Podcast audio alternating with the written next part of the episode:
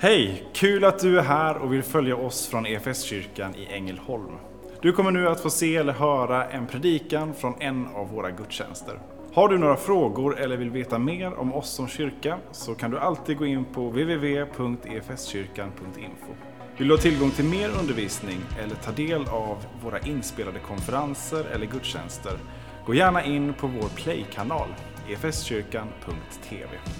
Nu ska vi lyssna på denna veckas predikan. Kära vänner, eh, fantastiskt gott att få eh, förtroendet att dela någonting tillsammans med er. När vi satt och eh, bad innan i morse så, så bara blev det en sån, eh, jag bara sköljdes över av en sån vila i eh, det här att tack och lov att man står i en tjänst där man inte ska komma på och dela något nytt.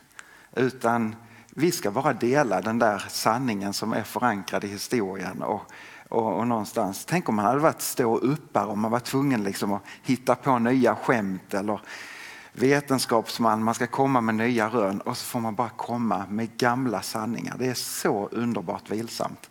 Men låt oss vara uppmärksamma på de gamla sanningarna så att de faktiskt ger liv idag, rakt in i våra situationer. Jag tänkte ställa den här frågan till dig. Om du har varit med, och det tror jag att vi alla har varit på ett eller annat sätt. Men har du någon gång varit sådär riktigt, riktigt genomtörstig eh, och så har du fått möjligheten att släcka törsten med kanske ett glas riktigt kallt, rent, gott vatten.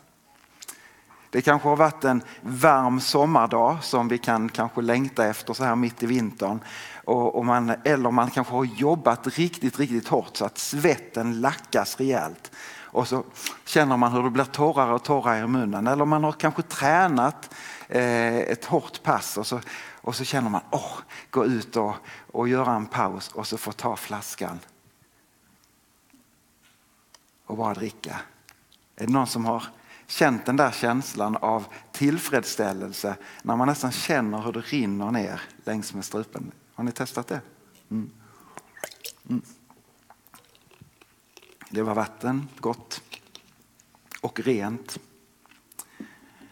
Vet ni vad? Att det är så lätt för oss, även om vi är tacksamma och glada för det och att det kanske väcker en liten liksom, varnings eller en tacksamhetsklocka i oss när vi har haft några heta somrar några år tillbaka där vi har börjat fundera på hur använder vi vårt vatten.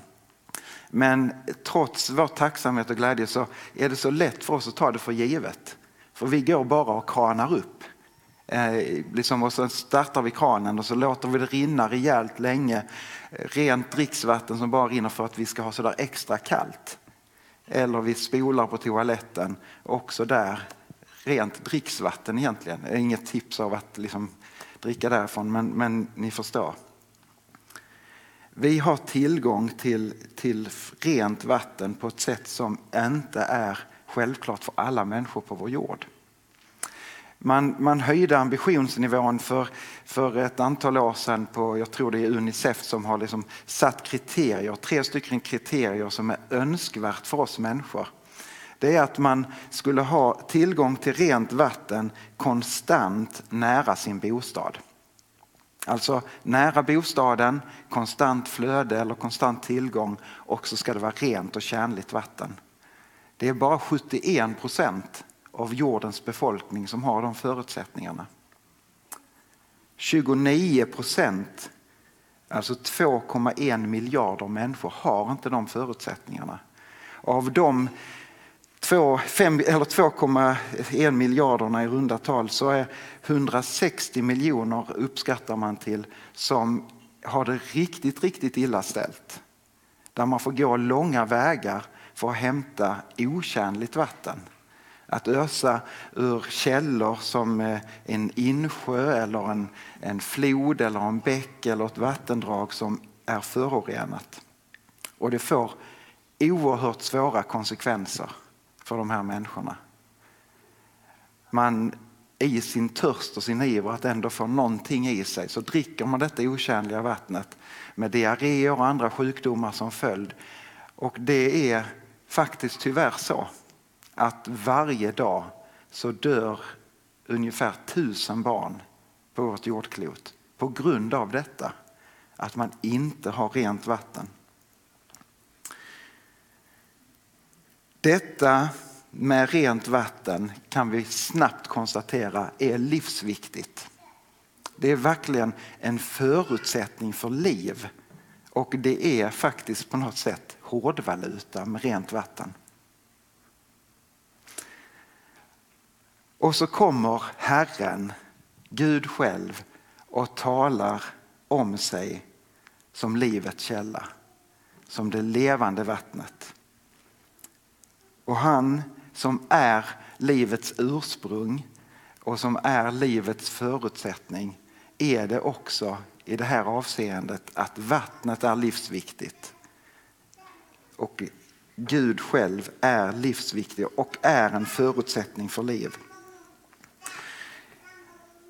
Profeten Jesaja får låta hälsa Herrens ord eh, på detta sätt, Jesaja 55 och de första verserna. Kom alla ni som törstar, kom hit och få vatten. Kom även om ni inte har pengar. Förse er med säd så att ni får äta, kom och få säd utan pengar, vin och mjölk utan att betala. Varför lägger ni pengar på det som inte är bröd och er lön på sånt som inte mättar? Lyssna till mig så får ni äta gott och njuta av feta rätter. Kom till mig och hör noga på, lyssna så får ni liv. Kom alla ni som törstar. Så kan man ställa sig den där frågan till sig själv. Törstar jag efter Herren? Hungrar jag efter Gud?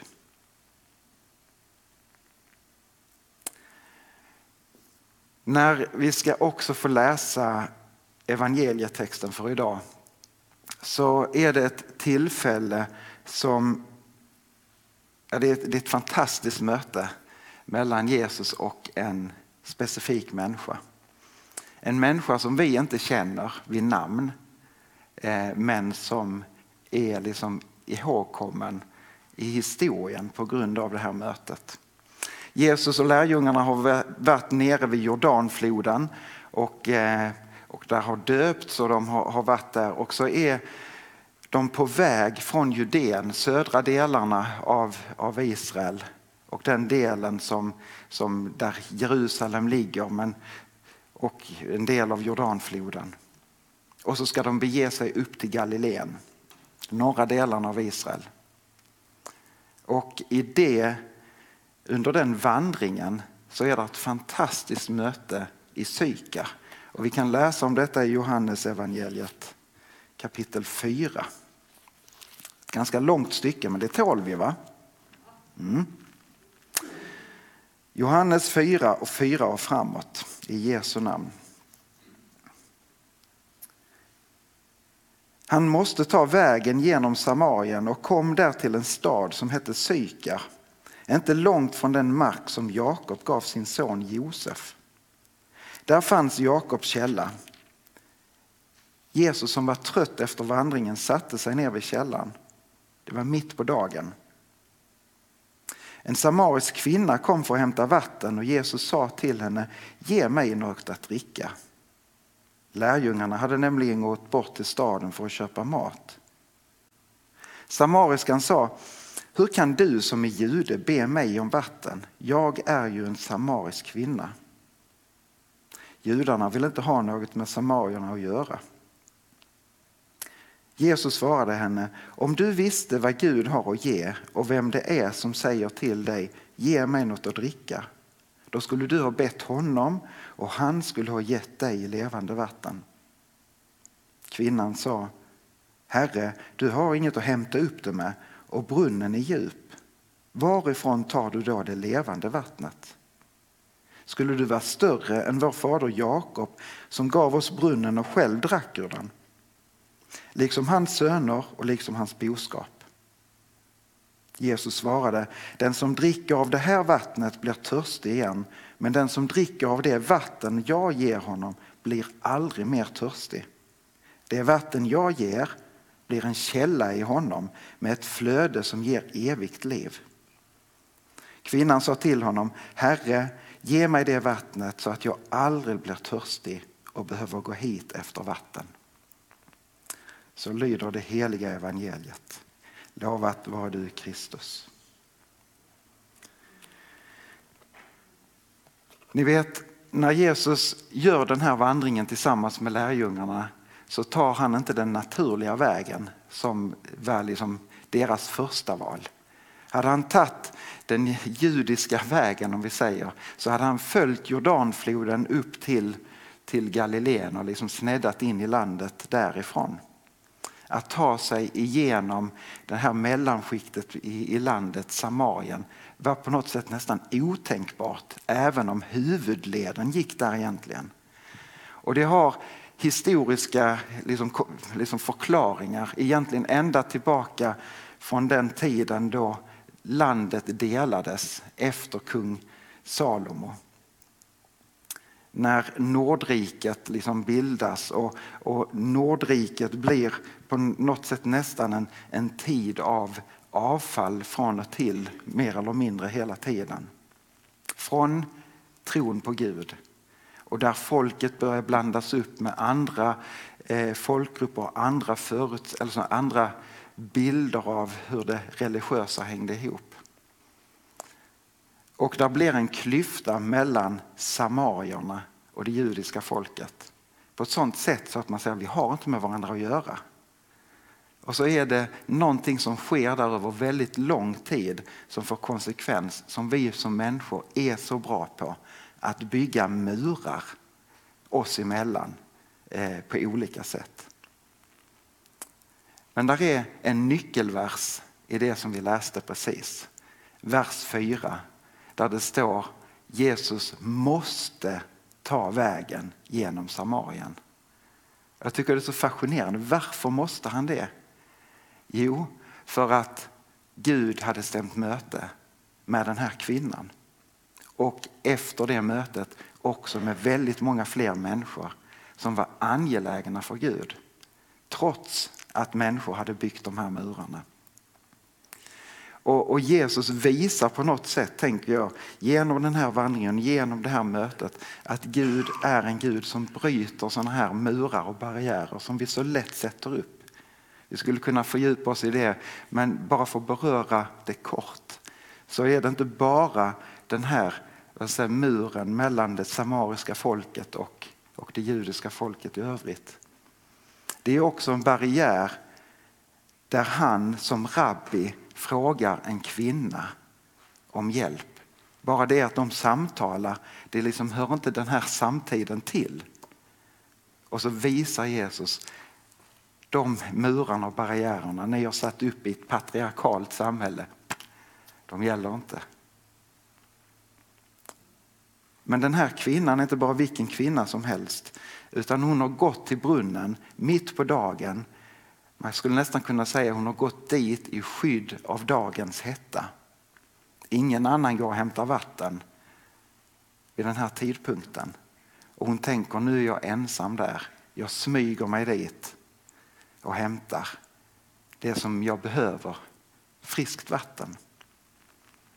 Vad som ligger till grund varför hon söker sig dit, det kan vi ana i, i, i den här texten, men det behöver vi inte fördjupa oss i. Men hon har förmodligen byggt murar kring sitt eget liv. Eller har folket i byn där hon lever eller samhället byggt murar som säger du är någonting annat utanför oss. Och så rör hon sig där. Men så gör Jesus det här fantastiska. Han går rakt igenom och bryter de där murarna för att för Gud är varje människa angelägen. Jag tänker att Jesus vet på något sätt att här kommer jag möta en människa, en kvinna som är törstig. Hon kanske inte har formulerat det men hon har en vilja och en längtan att få dricka det levande vattnet som Jesus har att erbjuda.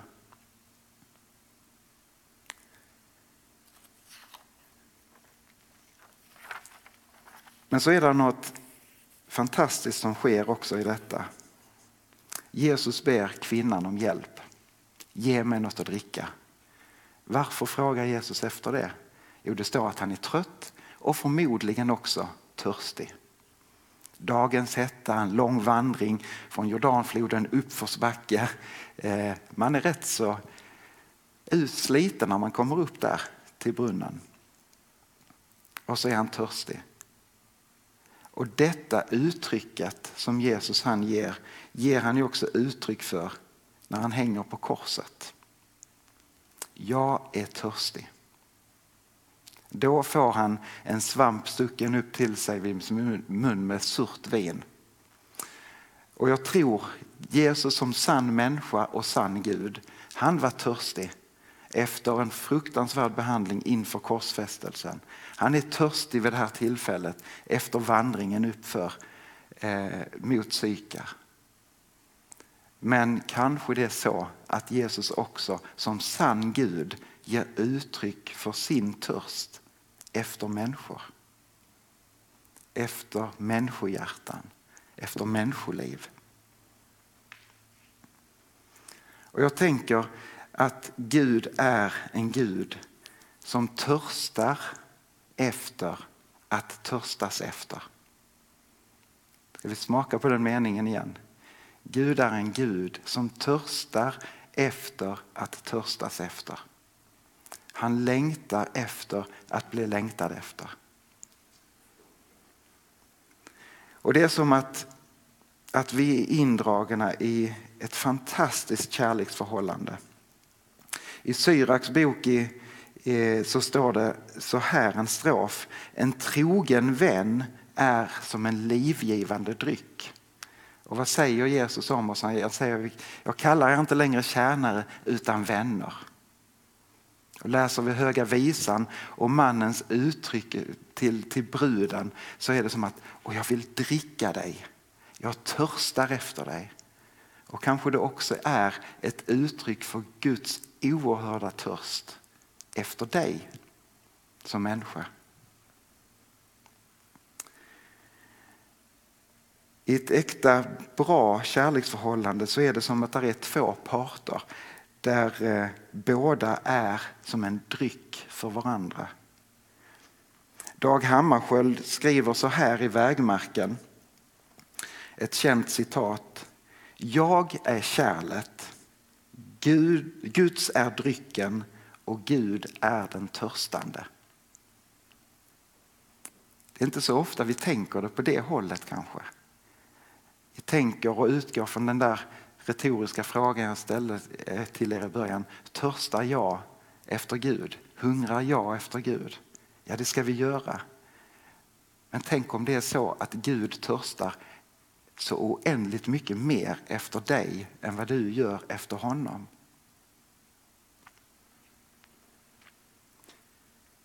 Gud är verkligen allt livs källa. Och i relationen så får du och jag vara ett svar på hans törst. Du blir som en källa där Gud också får släcka sin törst. Och den där kärlekens ömsesidiga dryck, det är som att man, man kan liksom inte riktigt dricka sig otörstig på den. Och det är kanske kärlekens paradox av att ja men, oh, det, jag är tillfreds, jag är, har frid i relationen och samtidigt vill jag ha mer. Jag längtar efter ännu mer. Att man får dricka ännu mer. Jesus säger till kvinnan, den som dricker av mitt vatten ska aldrig mer liksom törsta igen. För, för det vattnet jag har ger blir som en källa i dig av flödande vatten. Det är pågående. Men, men det här att vi inte behöver törsta igen handlar nog i grunden om att, att vi har frid med Gud. Vi är frälsta, vi är räddade. Det är ingenting som står i vägen för Guds kärlek över ditt liv. Ingenting står i vägen. Men jag längtar efter ännu mer av Gud i mitt liv. trots att jag får av Guds nåd vara frälst och räddad. Jag behöver mer av dig i mitt liv Gud. Och Gud kanske sitter som den andra parten i det här kärleksdramat som du och jag är indragna i och säger jag vill ha mer av dig. Jag vill ha mer av er. Fastän jag vet att jag har räddat er. Jag vet att ni är förlåtna. Ni, allt är liksom klart. Men jag längtar efter mer. Förstår ni kärlekens paradox? Så den här frågan kan väl få hänga kvar hos oss. Inte bara idag och inte bara den här veckan utan kanske hela livet. Törstar jag efter Herren? Och så ska du veta det att Herren törstar efter dig. Ytterligare ett ord som avslutning från Uppenbarelseboken, 21 kapitlet, där Jesus säger så här. Se, jag gör allting nytt. Och han sa, skriv, skriv ty dessa ord är trovärdiga och sanna. Och han sa till mig, det har skett. Jag är alfa och omega, början och slutet. Och jag ska låta den som törstar dricka fritt ur källan med livets vatten. Ska vi be tillsammans. Tack kära Jesus för att du som är livets ursprung, livets början. Du som är alfa och omega av evighet. Tack Jesus för att du ser också rakt ner i vår tid, i våra liv. Och Jesus, jag tackar för att du fortsätter att stämma möten med människor trots murar och barriärer som andra har ställt upp runt omkring oss eller som vi själva bygger. Tack för att du går rakt in, förbi och genom de murarna och erbjuder livets vatten.